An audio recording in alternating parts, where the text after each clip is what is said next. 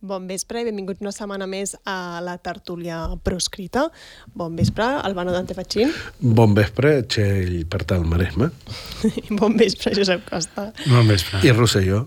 Correcte, perdó, que no me'n recordava ara mateix i m'ha ajudat aquí l'Albano. Eh, us sembla si comencem la tertúlia? Perquè avui hi ha, hi ha molta cosa. cosa a parlar. Vinga, va. Doncs comencem.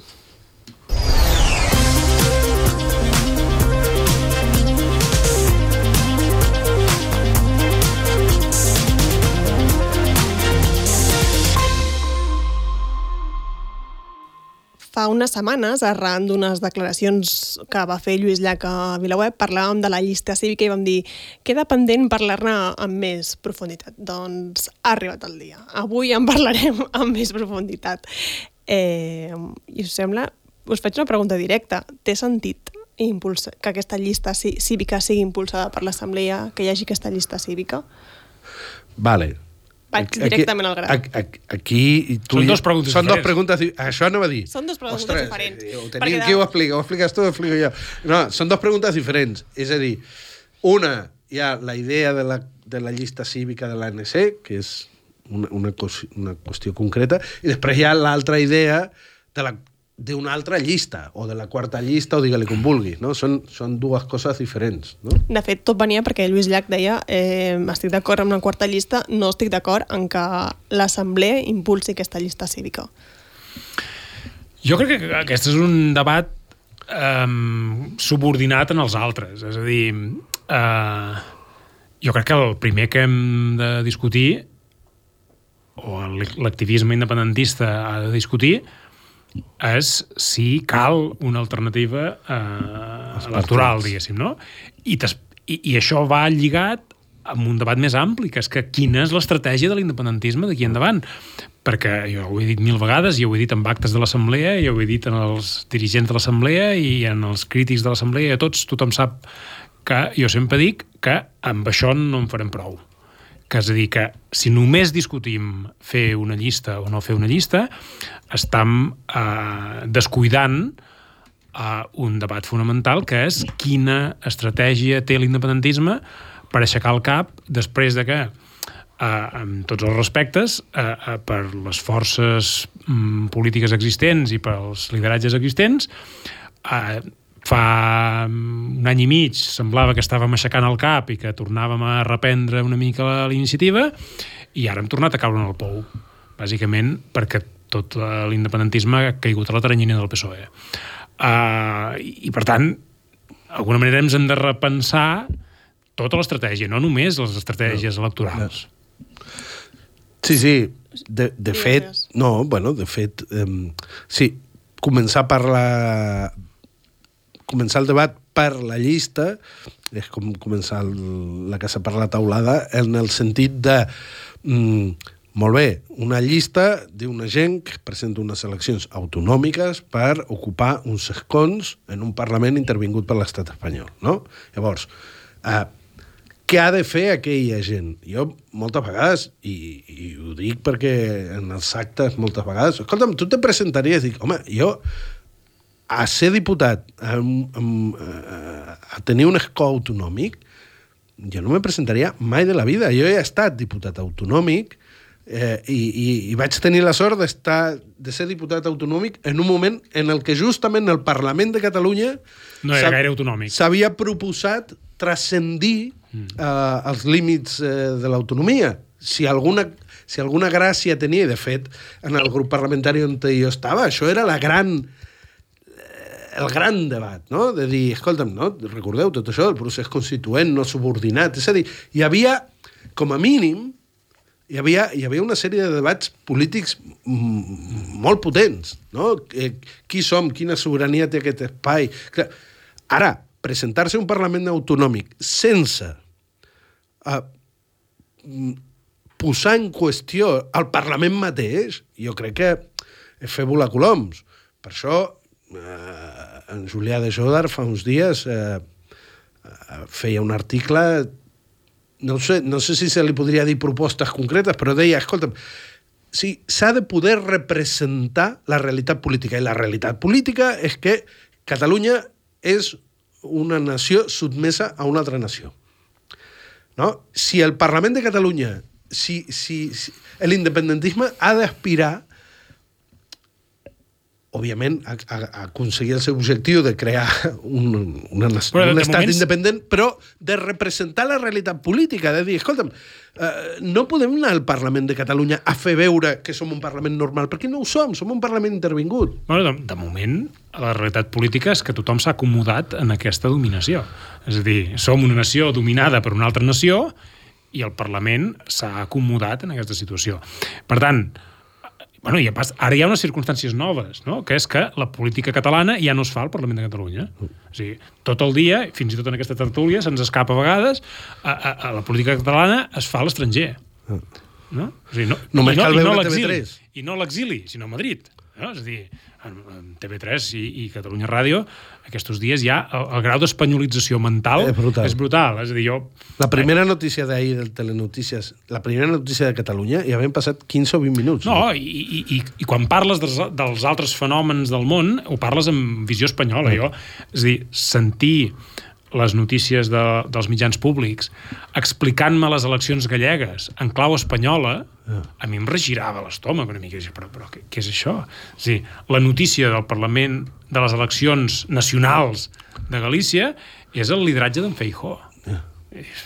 Però, saps? Vull dir, quina espanyolització hi ha mental Ja. que tenim als mitjans públics. Però tornem a la llista cívica que ens diran que ens hem distret.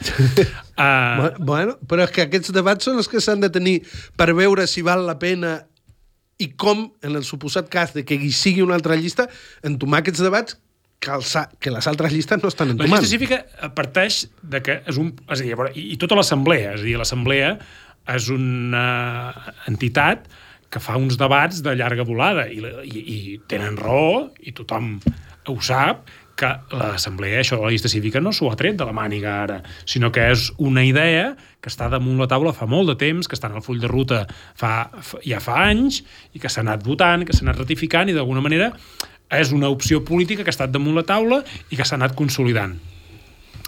Um, això té un punt a favor, que és dir, que no és una ocurrència del moment conjuntural, i té un problema, que és que no està clar que les condicions polítiques, socials, mediàtiques, etc d'avui de, de, de, de Catalunya um, ara mateix el projecte de la llista cívica pugui reeixir.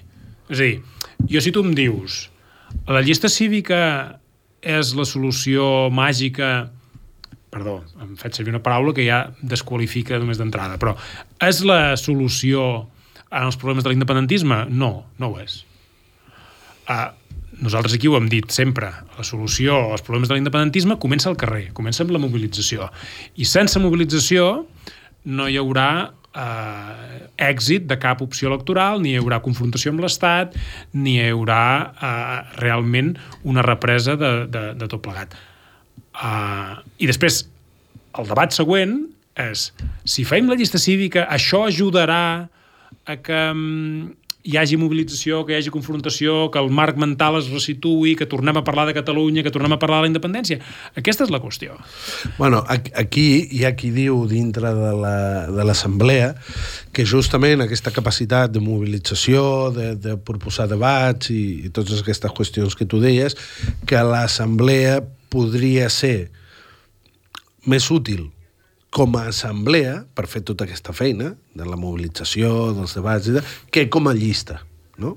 Vull dir que una, una de les principals pors, no dic veus contraris, sinó jo he pogut assistir a llocs on té, eh, per sort dintre l'assemblea hi ha gent que debat amb, amb ganes de trobar una solució, vull dir que no són aquests debats eh, trucats, no? És a dir, la gent diu, ostres, mm, veiem que s'ha de fer alguna cosa electoralment, jo, jo també crec que electoralment cal donar una resposta com una eina més de totes les que tenen els ciutadans per intervenir en política. Òbviament, si, si és l'única, ja ho sabem. Eh, L'autonomisme, de fet, es basa en, en estar desconnectat de la mobilització. El, el, eh, el 2017 és fruit de la mobilització. Per tant, eh, el, que, la, el, el debat sincer, que jo crec i que l'he sentit en reunions de la- de l'assemblea, la, és com som més útils com a assemblea, com som més útils. fins i tot la gent, és a dir, mm, es poden donar en la mateixa persona la idea de que cal una alternativa electoral i a la vegada que no ha de ser l'assemblea. Uh -huh. això, això existeix. Per tant... I després passes al següent estadi, que és... Però ningú ho està fent. És a dir, clar, si no ho fa l'assemblea, qui ho farà? Aquesta és l'altra qüestió, que jo, jo l'entenc. A mi em passa una mica, i, i ara em mullaré més, a, a mi em passa una mica com amb el debat de l'abstenció quan, quan es posa damunt la taula la qüestió de la llista cívica. A mi quan em planteges el debat de l'abstenció et dic, home, d'entrada jo no sóc abstencionista, jo sóc de mobilització, de participació, d'implicació, d'assumir reptes, d'assumir responsabilitats i de mullar-se. No? Per tant, d'entrada, l'abstenció no és la meva opció. Però després mires, i dius, però clar, és que no hi ha res que sigui mínimament votable. O sigui, jo no, no, no puc votar res. I, i a banda d'això, els arguments dels partits i els arguments dels tertulians en contra de l'abstenció i en contra de... La, la, la, són incomprables. La, la, la protesta són encara més insostenibles, més insolvents que els arguments dels que diuen que l'abstenció és la fórmula màgica per la independència. I aleshores, al final, t'acabes tu resituant no? Al final, algú s'ha acabat pensant no? De, que jo era un abstencionista militant perquè no sé què, jo, jo no sóc partidari de l'abstenció. Ara, eh, jo, jo no votaré eh, res que no representi el que jo vull. I, per tant, acabes moltíssima gent, jo crec que és el que ha passat amb moltíssima gent, moltíssima gent acaba sent abstencionista a la força. Uh -huh. És a dir, perquè és invotable tot el que hi ha. I, per tant, t'acabes resignadament abstenint. No perquè pensis que això és la solució de res, ja. Sinó perquè ningú es mereix el teu vot. Sí. Ara tornem, tornarem a la llista cívica, eh? però sentint-vos deia, eh, en definitiva, aquesta llista cívica el que voldrien intentar, entenc, des de l'Assemblea, és ser un revulsiu per l'independentisme, no? I aquesta setmana hem tingut un, una altra proposta de, que, de ser un revulsiu, no? que seria la, la ILP, que la Mesa del Parlament ha tramitat eh, una ILP per eh, proclamar la DUI una altra vegada. Eh, hi ha hagut una mica de liu de què significa aquesta ILP, quins passos s'han de seguir, etc. Llavors, si us sembla, connectem un moment al Parlament amb l'ODEI, que ens situa una mica què és aquesta proposta i quins passos s'hauran de seguir a partir d'ara. Eh, bon vespre, ODEI Xerte. Hola, bon vespre, què tal? Ara parlàvem això, d'aquesta ILP que finalment avui la mesa ha, ha refusat no? eh, amb aquesta reconsideració que havia presentat els partits espanyolistes i finalment tirarà endavant aquest tràmit. Què, què ve a partir d'ara? Doncs a partir d'ara el primer que ha de passar és que la comissió promotora ha de ser notificada que la mesa ja ha acceptat definitivament aquesta tramitació de la ILP i el primer que haurà de passar és que a la comissió de, de, promotora de pre, a presentar els plecs, els documents de, de la recollida de signatures, que han de ser d'una manera determinada, amb l'articulat en un mateix document que les signatures que es recolliran després, i hi ha una comissió de control, se'n diu, que és la que valida tot el procés, que ha de validar també aquests documents amb els que es recolliran aquestes, aquestes signatures. Eh, què passa amb aquesta comissió de control? Perquè aquí tenim una situació que fins ara no s'havia donat amb, amb cap ILP abans, i és que la mesa admès a tràmit una iniciativa, un articulat, que, segons els lletrats, no és constitucional. Aquest filtre de constitucionalitat, en principi, l'hauria de fer la mesa. Però, en aquest cas, a, a, a la mesa, per majoria, ha tirat, endavant, ha tirat endavant la llei. I, en principi, aquesta comissió de control tan sols hauria de validar els documents sense entrar en el fons del que seria l'articulat d'aquesta llei. Però també és veritat que la, aquesta comissió de control té una composició molt peculiar i com que hem vist que han passat coses, diguem, molt estranyes els darrers anys, eh, s'obre l'interrogant si la comissió de control intentarà o no aturar la tramitació d'aquesta ILP. Això és així perquè formen part d'aquesta comissió de control, perquè us sapigueu, tres magistrats del Tribunal Superior de Justícia de Catalunya, tres catedràtics de dret constitucional o de ciència política eh, tres juristes eh, designats tots pa, pels grups parlamentaris i un secretari que és un lletrat del Parlament que fa d'això, de, de secretari d'aquesta comissió de control i que en aquest cas és Xavier Mouro, que és un lletrat que ja va fer un informe desfavorable a la mesa advertint-la que aquesta llei de declaració d'independència, proposició de llei de declaració d'independència, no era constitucional. Aleshores, aquesta comissió, en teoria, si no hi estan tots d'acord, haurà de prendre per majoria aquesta decisió d'avalar els, els plecs de documents i també s'encarrega de, de validar el nomenament de fedataris, que són les persones que la comissió promotora pot proposar per recollir les, les signatures. I a partir d'aquí, si ens posem en el supòsit que hauria de ser el més habitual en un cas com aquest i que és el que sempre passa, que és que es validen a la comissió de control valida la, els documents de recollida de signatures, a partir d'aquí els promotors, que com sabeu són tres dirigents de Solidaritat Catalana per la Independència, tenen 100 dia, 120 dies hàbils disculpeu, per recollir les signatures, que es poden prorrogar a 60 dies més si, així, si així ho justifiquen la necessitat davant de, de la mesa del Parlament. I llavors és quan començaria la recollida de signatures, que sabeu que el mínim que es necessita per poder continuar la tramitació són 50.000. Uh -huh. S'ha de tenir en compte que aquestes 50.000 signatures s'han d'autenticar molt bé. O sigui que és un procés, diguem-ne, seriós en aquest sentit, que s'han de, s'han d'autenticar, és un procés que han de fer els mateixos promotors davant de, de notari, davant del secretari judicial o davant dels secretaris dels ajuntaments del municipi on estan empadronats els signants. També s'ha d'acreditar el padró de les persones que signen. Eh, I tot això després és la documentació que s'ha de lliurar un altre cop a la comissió de control, que és la que finalment fa el recompte final i valida aquestes signatures.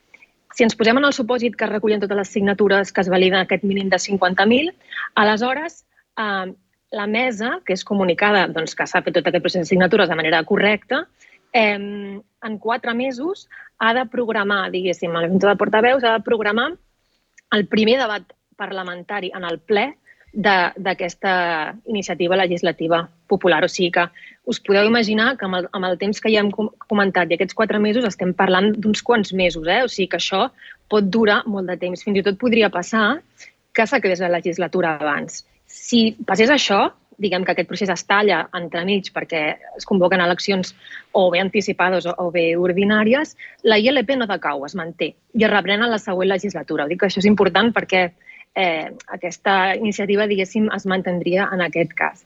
I llavors, quan una vegada es fes aquest primer debat en la totalitat, que es diu primer debat, si passés aquest filtre, perquè aquest seria un filtre també molt important, perquè ara hem vist que Junts um, i, i la CUP, amb l'abstenció d'Esquerra, de, han facilitat que la mesa pogués tramitar aquesta iniciativa legislativa. Però diguem que cap d'ells considera que s'hagi de fer una declaració d'independència en aquests moments.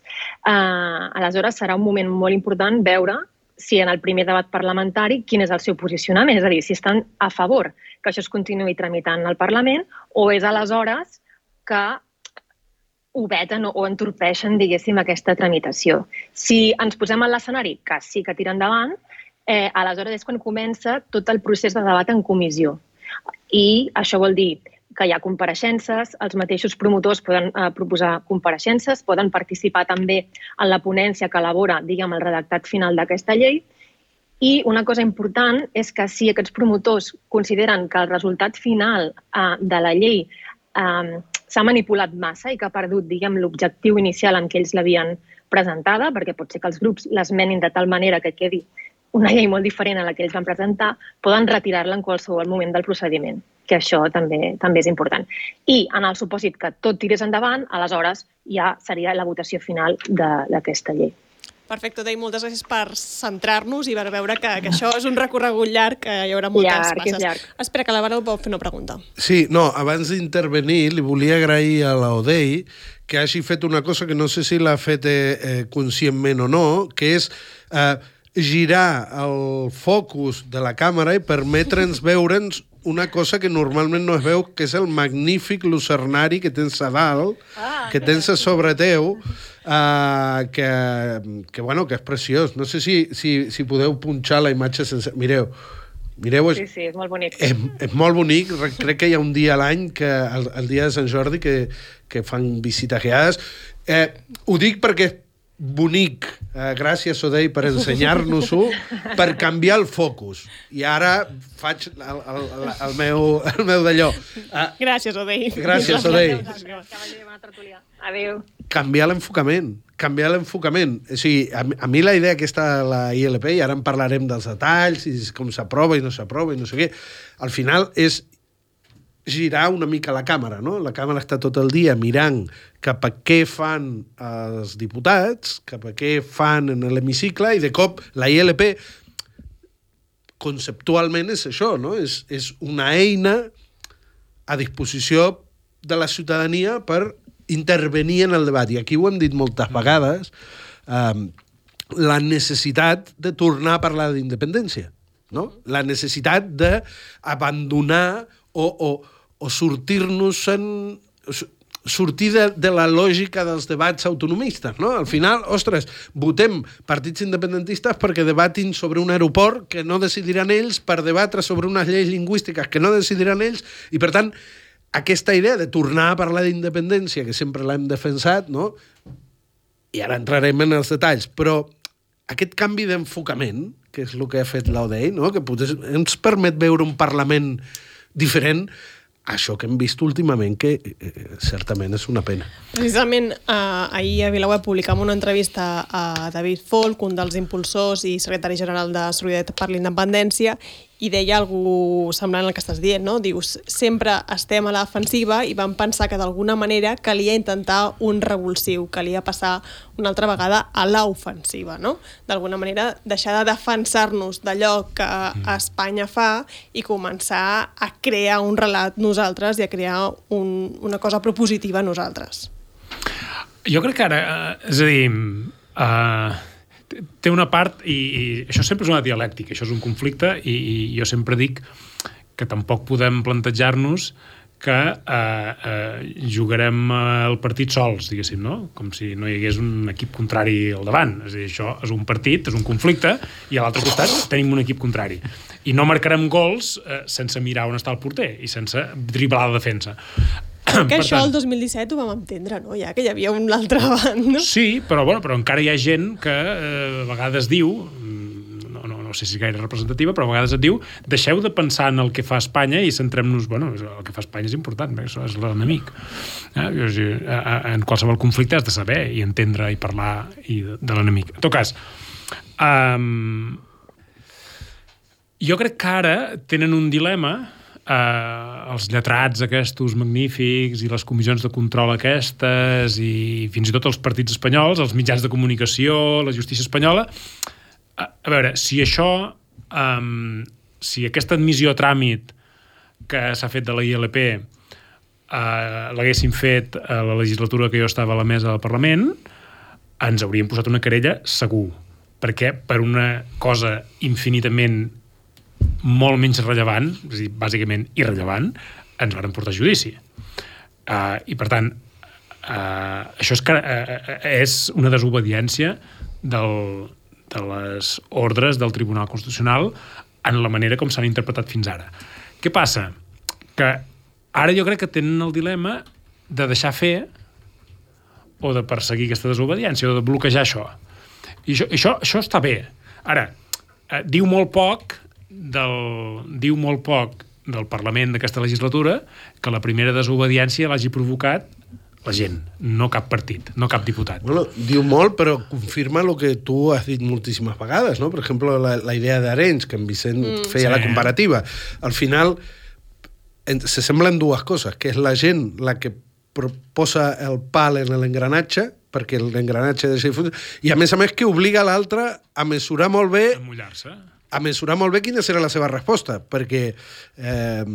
Jo crec que ara, és a dir, jo crec que ara aquí tothom, tota la classe política autonòmica i l'Estat, eh, els hi agradaria que això desaparegui del, de l'equació sense fer massa soroll. Yeah.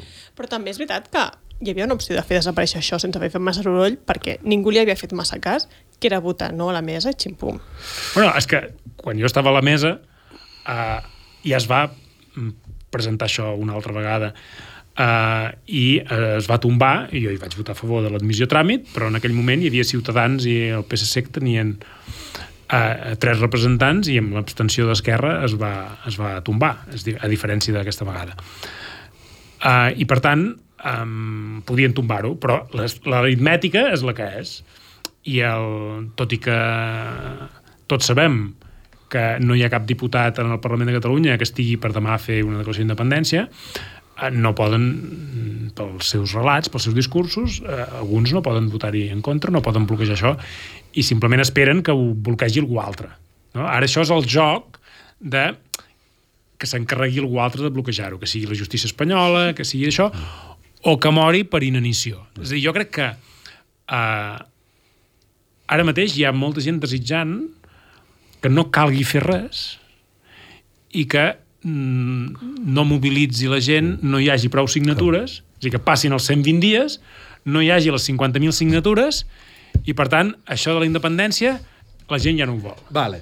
Aquest és l'escenari ideal d'Espanya de, i de l'autonomisme. Doncs jo vull fer una predicció.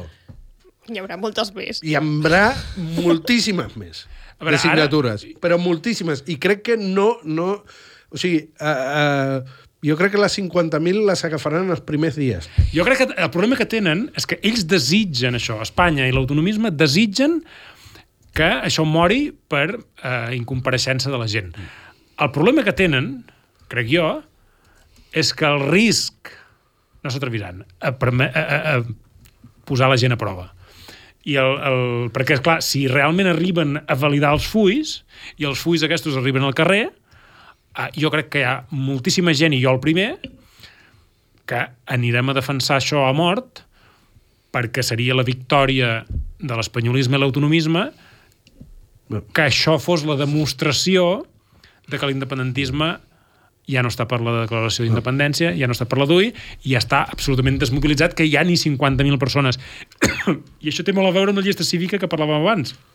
No està desvinculat. Per la llista cívica calen 50 i llargues uh -huh. mils de signatures, és a dir, prop de 60.000 signatures per presentar-se a les eleccions amb la fórmula d'agrupació d'electors. És a dir, per fer la ILP calen 50.000 signatures, per fer la llista cívica unes quantes més, prop de 60.000. Uh, I 50.000 vots no són res. Com 50, a vots. 50.000 vots no són res.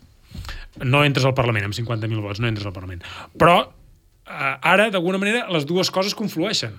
És a dir, potser tindrem l'oportunitat de demostrar a curt termini si hi ha uh, 50, 60, 80, 100.000 persones que encara segueixen aquí al peu del canó amb la militància cívica, amb la mobilització del carrer... Amb una proposta de radicalitat. Amb una proposta d'unilateralitat per fer la independència. I, per tant, això eh, anirà bé per la llista cívica perquè, d'alguna manera, eh, tam... no sabem si abans o després, però bueno, probablement abans que eh, s'hagi de plantejar eh, la recollida de firmes per fer l'agrupació d'electors de la llista cívica, ja sabràs si la, si la ILP ha funcionat o no ha funcionat.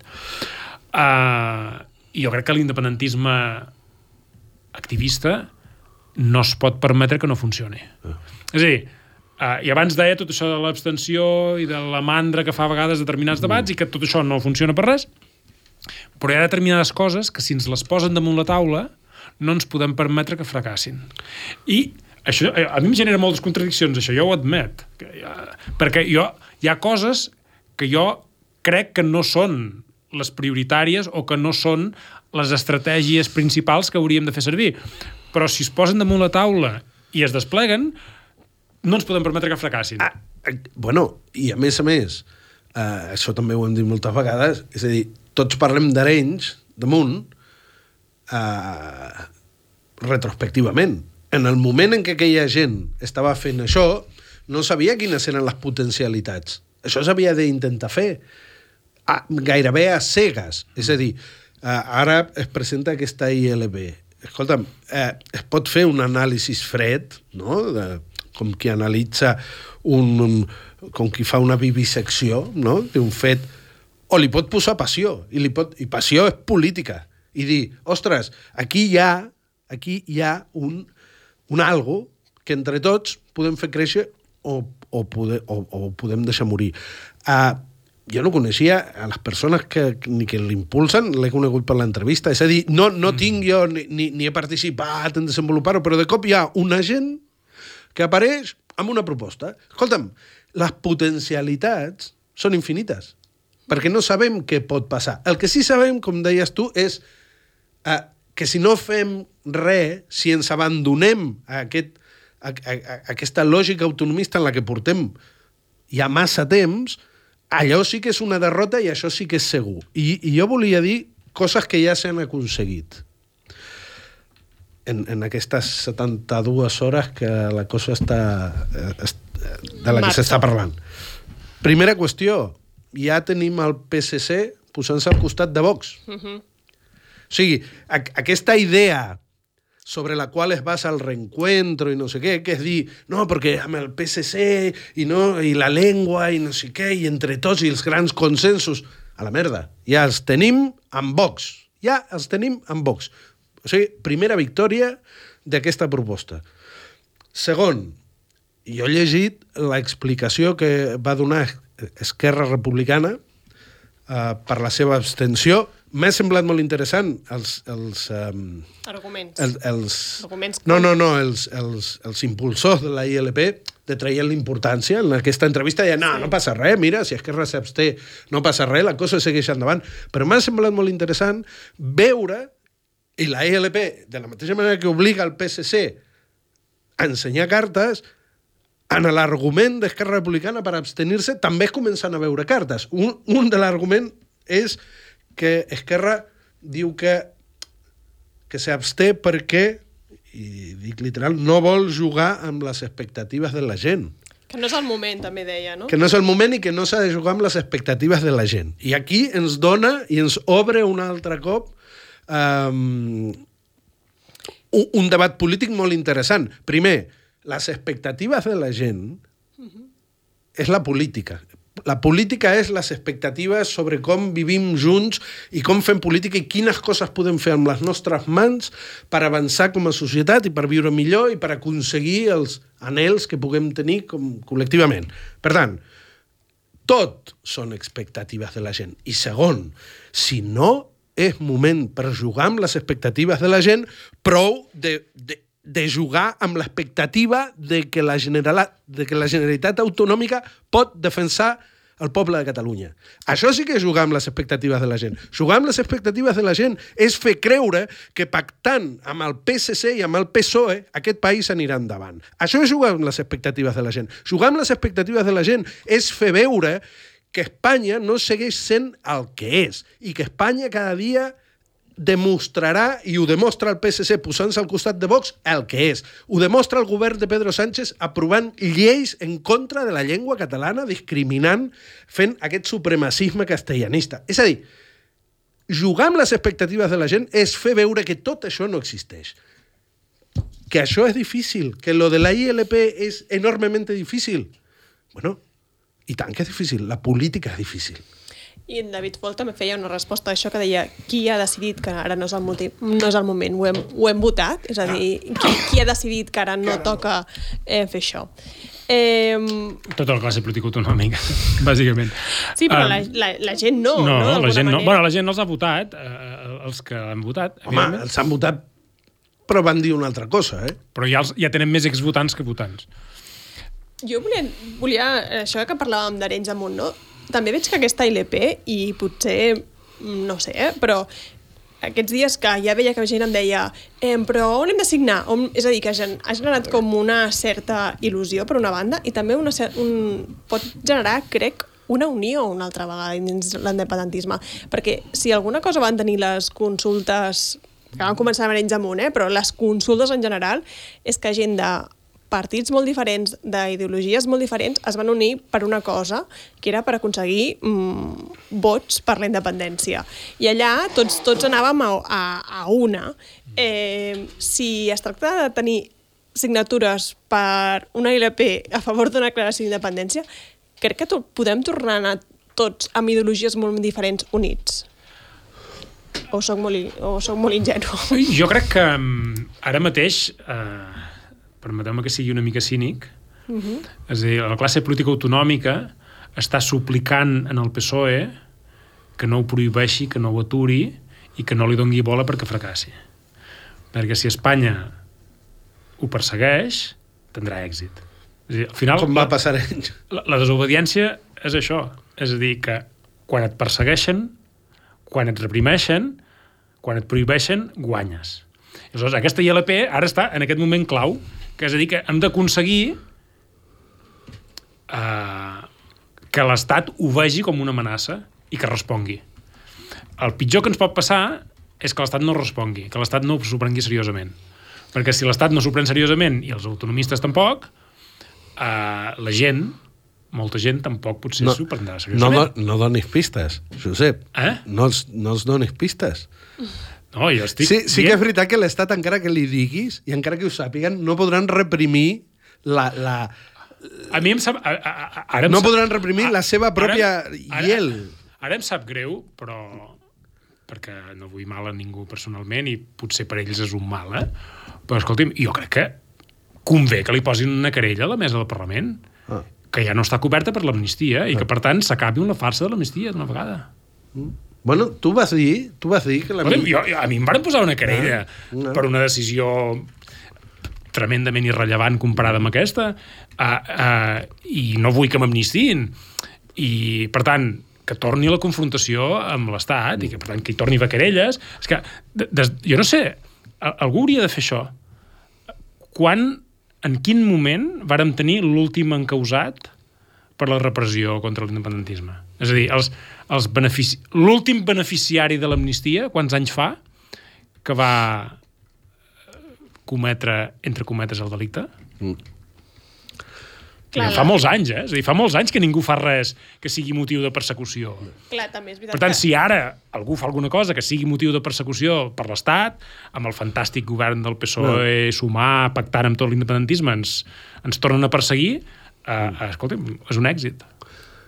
Volia dir una cosa, que és un petit detallet tècnic, però que crec que és important eh, també valorar-lo políticament. Tu deies, ostres, una recollida de signatures per una DUI. Mm, és una recollida de signatures per obrir un debat al Parlament. No? Però la, Entenc? però la llei és, és, per, és per una DUI.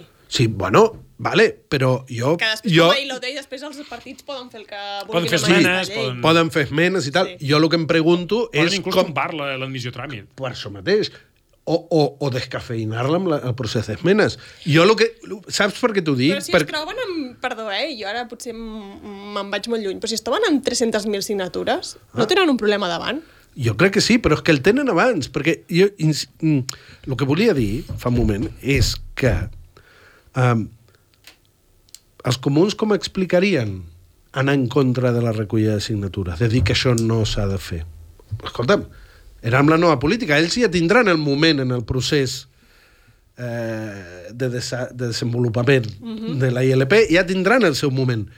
És a dir, la radicalitat de la ILP com a instrument, més enllà de la de la d'allò, crec que també és, eh, cal reivindicar-la. De veritat, tu, que ets el poble i és la participació ciutadana i, el, i des de baix i els moviments socials, et posaràs en contra d'una gent que s'organitza per demanar una cosa que pots estar més o menys d'acord, però vull dir que és, és una cosa de, de profunda arrel democràtica. Però, llavors, la primera por que ha de fer, abans dels 300.000, la primera por que ha de fer és, és a dir, l'exercici del múscul democràtic, és l'exercici de tornar a trobar-se, de tornar a trobar-se, i com tu deies, gent diferent, que potser per altres coses, tornar a trobar-se i tornar a confiar en que nosaltres com a ciutadans, amb les nostres mans i la gent que viu en el nostre poble, podem canviar el curs del país. Quan, quan en una societat això existeix, mm. La radicalitat democràtica que porta això, i perquè això sigui molt potent, no cal que siguin 3 milions. Eh, si són 300.000, 300.000, però és que amb 50.000 persones, la capacitat que tenen 50.000 persones d'intervenir en un debat, i si la eina, en aquest cas, és una ILP, doncs és una ILP que aconsegueix, però que podria ser doncs, un referent, el que sigui, però ara tenim això. Doncs, escolta'm, benvingut, benvingut, i, i la benvinguda li haurien de donar eh, els demòcrates, els que confien en que la gent d'aquest país és la que mana que el poble mana i el govern obeix. Això ho vam dir.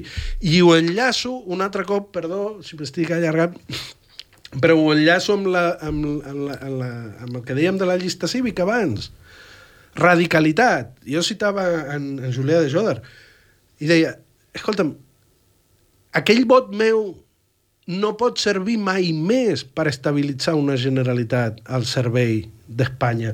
No pot servir mai més un vot independentista per aprovar uns pressupostos que perpetuen, i no només els de Madrid, els d'aquí també, uh -huh. perpetuen la submissió econòmica del país. No, és a dir, la recuperació d'aquella radicalitat que en el 2000, que durant el procés era la, la, la radicalitat democràtica de nosaltres decidirem i es farà el que nosaltres diguem. Hem de retornar aquesta radicalitat i, i, i, i, i, i aquesta radicalitat s'ha de basar també en dir els límits als meus anels democràtics no es posa Esquerra Republicana, ni la CUP, ni Junts, els límits els posem nosaltres i no es posa al diari Ara, no es posa a, a, a, a la tertúlia de Catalunya Ràdio, ni el col·lapse. Els posem nosaltres. I si ells volen parlar d'altres coses, escolta, que parlin, que, que busquin els seus... Eh, eh, ara, nosaltres intervindrem i cal intervenir en aquest Parlament. I, òbviament, si són 300.000, millor que 50. Si són 50, ja estarem molt contents. La meva predicció és que sobradíssims. Ara, mmm, trobem-nos en els nostres veïns a buscar aquestes signatures. Mm -hmm. eh, abans m'ha quedat pendent una cosa, i, ara que lligaves uh, amb aquesta llista cívica, eh, la Dolors Feliu, uh, aquest diumenge publicava a VilaWeb una entrevista de la Dolors Feliu, eh, on explicava el per què d'aquesta llista cívica. I, I en realitat era per donar cabuda a aquest abstencionisme, no? Ells defensen. Si us sembla, escoltem un moment veiem que hi ha una gran bossa de tensionisme que aquests partits en molts casos ja han renunciat a recuperar. En públic no ho diuen gaire, però en privat ja hi ha persones que ens han començat a dir sí, sí, veiem que millor que us presenteu. Per què? Perquè realment es perden aquests vots independentistes. Per tant, si sincerament es vol fer un projecte independentista, presentar-se eh, amb aquest impuls, amb aquesta llista cívica, no va en contra de ningú, va a favor de la independència. Si realment hi ha aquest espai que no està cobert, què s'espera? Qui el cobrirà, aquest espai? Els unionistes? Aleshores es perden molt vots independentistes, com ja ens està passant. I fins i tot hi podria haver risc de pèrdua de la majoria independentista, perquè realment... Clar, ara és, tot això ho dic perquè m'ha anat com lligant tot plegat, eh? perquè quan l'Odei ha dit si finalment, això són molts mesos, i finalment hi ha les eleccions abans, això passaria a la següent legislatura. Per tant, seria important que a la següent legislatura el Parlament continués, tenint una majoria independentista. I és veritat el que diu la Dolors, ens podem trobar que si no hi ha cap canvi a les properes eleccions no hi hagués aquesta majoria. No, i, i jo mai he tingut aquesta por, realment. És a dir, en el Parlament de Catalunya mai hi ha hagut una majoria espanyolista mai. Uh, I per tant no crec que hi sigui ara. És dir, es composarà com sigui, serà autonomista, hi haurà moltíssima abstenció. Jo, jo no, a mi no em fa patir que hi hagi una majoria espanyolista al Parlament de Catalunya, jo crec que no hi serà. Uh, perquè per defecte uh, uh, l'electorat és majoritàriament nacionalista i, i ara mateix independentista. Però si, senten, si senten orfes, si no saben a qui votar? No votaran, hi ha molta gent que no va votar, però igualment, encara que no vagis a votar, eh, com que la desmobilització... Aquí jo crec que hi ha una cosa que, que s'ha d'entendre, i per exemple, que en el cas de Galícia aquest diumenge eh, ho vàrem tornar a veure, els, eh, la pujada i la baixada de la participació eh, no sempre afavoreix o perjudica a qui tu creus que afavoreix o perjudica aquí. És a dir, eh, eh, hi va haver gent que quan va veure que la participació estava pujant molt a les eleccions de Galícia deia, home, guanyarà l'esquerra, guanyarà el BNG i tindrà la presidència perquè ha pujat molt la participació i la participació és d'esquerres. Doncs mira, tret majoria absoluta al PP. Per què? Perquè quan hi ha mobilització es mobilitzen els dos bàndols a tot arreu. I quan hi ha desmobilització, també es desmobilitzen els dos bàndols. Per tant, ja veurem, pot ser que la... Des... És a dir, ara la desmobilització, aquest és el drama, de fet, és el drama, que la desmobilització manté l'estatu quo. És dir, la desmobilització estabilitza. L'abstenció, mentre no es demostri el contrari, estabilitza el sistema. El que desestabilitza el sistema és un 80% de participació a les eleccions. Uh -huh. Això és el 21 de desembre, és eh, una miqueta menys el, el 2015, el, el 27S. És dir, és molta participació, molta mobilització, molta implicació és el que desestabilitza el sistema. La passivitat, l'abstenció, la desmobilització, això estabilitza. Eh, per tant, eh, la baixa participació afavoreix l'autonomisme. Crec que això és la meva idea. Mm -hmm. A partir d'aquí, eh, jo crec que ja comença a haver-hi, és a dir, eh, hi ha un cert triomfalisme de l'autonomisme i dels partits eh, acomodats en el sistema que somien amb que es faci la llista cívica i que fracassi. Uh -huh. És a dir, que al final la màxima legitimació per la deriva autonomista dels partits que ara estan al Parlament és que la ILP fracassi i que la llista cívica fracassi, es faci i fracassi. Per això hi ha gent que molt legítimament, que jo també vull reconèixer que és una posició molt legítima, com que pensen que la llista cívica no és una estratègia d'èxit, no volen que la ANC es cremi en aquesta aventura. I això és una posició que jo la reconec com a legítima i com a, com a, com a diguéssim, molt raonable. Eh, perquè, efectivament, si es fa la llista cívica, l'assemblea es crema, diguéssim, es crema, s'implica a fons i això no surt bé, els principals beneficiaris són els independentistes no practicants que tenim ara al Parlament. I, I, per tant, els riscos hi són, i jo crec que és legítim plantejar-se si la E ha de posar tota la carn negra directa que, que no té garanties d'èxit. La, la, la qüestió sempre és que, igual que deia abans amb l'abstenció, uh, sempre tot es redueix uh, d'acord, si volem la independència, quina alternativa tens? I, mm, clar, si, si cada vegada ens queden menys alternatives. I, per tant, fer, hem de fer alguna cosa. No ens podem quedar a, a casa, no ens podem eh, desenganxar i dir això està tot perdut i que, bueno, que, que gestionin rodalies i, i que vagin pactant amb el PSOE que no hi ha cap alternativa o que, o, o, jo que sé, o, o, o anem a increpar els moros pel carrer, diguéssim, no? És a dir, que hi ha, hi ha alguns eh, descerebrats que es a això. Um, per tant, cal fer jo, so, jo estaré sempre amb la idea de fer, de mobilitzar, de construir, de provar coses encara que no tinguem garanties d'èxit. I si em dius, hòstia, seria millor que això no ho fes l'assemblea.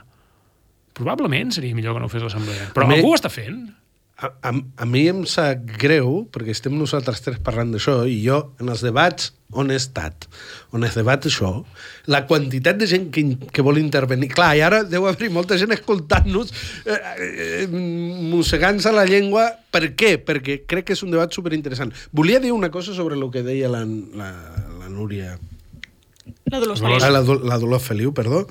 Um, aquest, aquesta por que ella deia, ostres, que no perdem la majoria independentista. Eh, durant molts anys, potser des de 2015, la idea és, ostres, eh, Junts, abans Convergència, Esquerra i després que va entrar la CUP, que aquests sumin el 68. No? O sigui, la, la nostra construcció de com avançava la política en aquest país depenia de que aquests tres, sume, tres o sumessin 68, perquè, ostres, si no ho tenim, eh, estic pensant en veu alta, eh? no sé politològicament com funciona. Fixeu-vos que el govern que tenim ara també és fruit d'aquesta concepció, d'aquest marc, de dir els tres partits independentistes, no? Junts, la CUP i Esquerra, es van posar d'acord per formar un govern.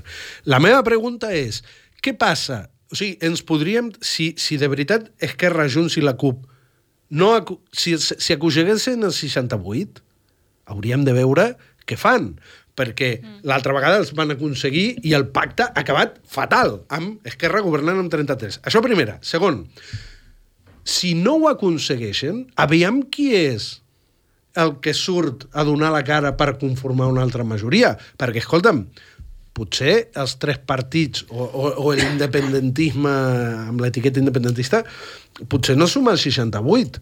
Vale? Pues, llavors, potser té raó Julià Jodar de dir no, no formem cap govern, anem a, a desestabilitzar el, el Parlament de Catalunya i la Generalitat tot el que estigui en les nostres mans, que vagi el PSC i els comuns a formar un govern amb els vots de Vox. I algú dirà, no, no, si ja ho han fet. Bueno, és a dir, aquesta radicalitat de dir, de veritat, hem d'estar porucs, ai no, que no sumarem, que no sumarem. Per què? Per fer president a Pere Aragonès, perquè després pacti amb el PSOE.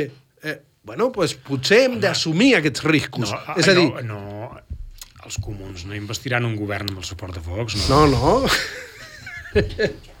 ah, No passarà això, no? Abans deixaran que governi un independentista sense majoria que no fer aliança amb Vox, no? bueno, pues que caiguin les caretes. Eh, ens queden, res, 7 minuts, però crec que És no... a dir, perdó, que amb la por... Amb, ai, el 68, el 60... Amb la por no es pot fer res. Escolta'm, vull... Mira, saps què vull? No vull molts diputats. Vull... Ostres, podem ir a un ple a dir aviam la que liaran aquesta vegada. Aviam la que liaran. Sentir-me representat, hòstia. Que m'aburro, mira. No. Oh, ja està. Eh, no, deia que ens queden res, 7 minuts, però crec que que avui eh, no podem acabar aquesta tertúlia sense parlar de Julian Assange. Eh, crec que és una responsabilitat eh, política, social. Eh, en aquesta setmana hem vist com hi havia de nou una vista dels tribunals britànics per decidir l'extradició, la seva extradició als Estats Units. Eh, com deia, crec que no parlar-ne ens comparteix amb còmplices i, per tant, mm, se'ns en cap pocs, minu pocs minuts, però crec que, que, anem, que anem de parlar i, i hem de defensar que no hi hagi aquesta extradició, que sigui lliure, perquè és un dret fonamental eh, el periodisme i la llibertat d'expressió eh, i no pot ser que això estigui passant. Jo a tota aquesta gent que dubta en aquest tema, que per sort crec que és poca, però... Però el governet una mica. El gover... Bueno, el governet... Mira, un altre cop... eh, Ostres, és que... Mira, dic, mira, ara no criticaré el govern i taca, el governet. I és veritat, jo he estat a... Aneu a Twitter, té una funció de búsqueda avançada. Jo ho tinc en castellà, no sé. Cerca avançada. Cerca. Ara no ho sé. Bueno, uh, aneu allà i busqueu els tuits on uh, el govern o el partit que dona suport al govern diu alguna cosa sobre Assange. I, i, Fa tres el, anys, El, el, doncs. el silenci és brutal, malgrat que el Parlament de Catalunya va votar a favor de donar suport. El silenci és vergonyós com a país, però a més, imagineu-vos, i amb això acabo, imagineu-vos exercir el periodisme a Catalunya davant l'estat espanyol amb les regles de joc que sorgirien d'un món post-extradició d'Assange. Vull dir, Vilaweb estaria tancat, Octubre estaria tancat, uh, la directa estaria tancada. És a dir, uh, ens estem jugant això. I no s'ho estan jugant al Regne Unit, Estats Units, ens ho estem jugant tots. I els que vivim a sobre, en un país autoritari com el que vivim, com els que, com els que ens ocupa, eh, encara amb més força ho haurien de denunciar. Bueno, Assange va dir allò de que la batalla de Catalunya era la batalla de quin món volíem, en el fons, no? És a dir, si eh, eh, continuava sent un món dominat per elites eh, i pels poderosos o que hi havia una, una fórmula, hi havia canals perquè la gent, diguéssim, triomfi a, a, en els seus anels més profuns, no? i que, per tant, al final acabem en un món governat per la gent. Uh, i, en, i, I això té molt a veure uh, uh, amb aquesta tradició mirat al revés. És a dir, no? si triomfa l'extradició, uh, triomfa un món que no és gens uh, interessant, no és gens atractiu. I a més, que vam veure com la setmana passada tothom, o la mort de Navalny, quina desgràcia, tothom crida posant el crit al cel, però eh, vull dir, Assange és el nostre Navalny europeu, vull dir, no sé com vull dir-ho, saps? Vull dir, eh, què, què, què passarà? És a dir, si va a Estats Units, què, què passarà amb Assange? Bueno, eh, I, aquí, I aquí no podrem dir "Ah, els russos són dolents. però és que què li passarà a Assange? Insisteixo, a Assange Ja, el persegueixen per publicar informació dels governs. I no una informació qualsevol, per publicar crims dels governs. Per tant, eh, la possibilitat de l'extradició d'Assange és la, la, la possibilitat de que aquí Guanya ens fiquin censura. a la presó per publicar el que fa eh, els Borbons, el que fa els socialistes i el GAL. És a dir, els que van denunciar el GAL en el seu moment haguessin anat a la presó seguint la idea d'Assange. Per què? Perquè era un secret que implicava l'Estat i que podia posar en perill, no sé, un guàrdia civil. Vés a saber. És a dir, per tant, hem, hem de I per això em preocupa tant, quan abans jo te deia, jo vull, vull sentir-me mínimament representat, el, el, que el govern de la Generalitat de Catalunya no obri la boca. Tenim, tenim gent que, que treballa en... No? Tenim una conselleria d'exteriors. Tenim, sí. tenim eines sí, i és veritat. tenim instruments que paguem, que ens surten molt cars, però escolta'm, si s'han de tenir, s'han de tenir. Com pot ser aquest silenci vergonyós? Només crec que Diana Riba, eh, l'eurodiputada d'Esquerra, crec que va fer un tuit, això sí que l'he vist, i, i, i s'ha de dir. Ara, tot l'altre, callats, davant d'una cosa sobre la qual no hi ha discussió possible. És o estàs amb la llibertat o estàs amb els exèrcits que maten civils innocents. És, és així de clar i de cristal·lino. Que en una... I clar, la profunditat d'aquest silenci d'on surt? D'on surt? no? Perquè el PSOE no et deixa parlar. Perquè Wikileaks també va deixar amb pilotes al PSOE, quan, quan, quan va denunciar, per exemple, com el PSOE eh, eh, conspirava contra la independència judicial per defensar els interessos de l'exèrcit nord-americà que matava periodistes a Iraq. És a dir, eh, el preu dels indults també és callar davant l'extradició. Aix- Això ho hem de posar. Acabo amb una coseta. Jo he estat a la... Vaig ser, no? Es diu? Ser. Ah, que abans he dit m'avorro i es diu m'avorreixo. Bueno, com que després en aquests subtítols que ens posen sempre m'ho corregeixen, heu vist? Que, I, i m'agrada molt i jo me miro els trossets aquells perquè està... Bé, dic, um, això, que la manifestació que es va fer l'altre dia, sense que a Estem TV3 veient imatges. A... sense que TV3 diguessin tal dia hi ha una manifestació a tal lloc, uh -huh. era una manifestació preciosa, de gent diversa i que exercíem aquest múscul democràtic de trobar-nos, d'aixecar la veu, de creure que, escolta'm, cal ser-hi. I mira, estàvem allà i en un moment donat, gairebé sense que ningú ho digués, vam tallar la diagonal. I vaig dir, ostres, aquesta és la Catalunya que hem de cultivar. Hi som.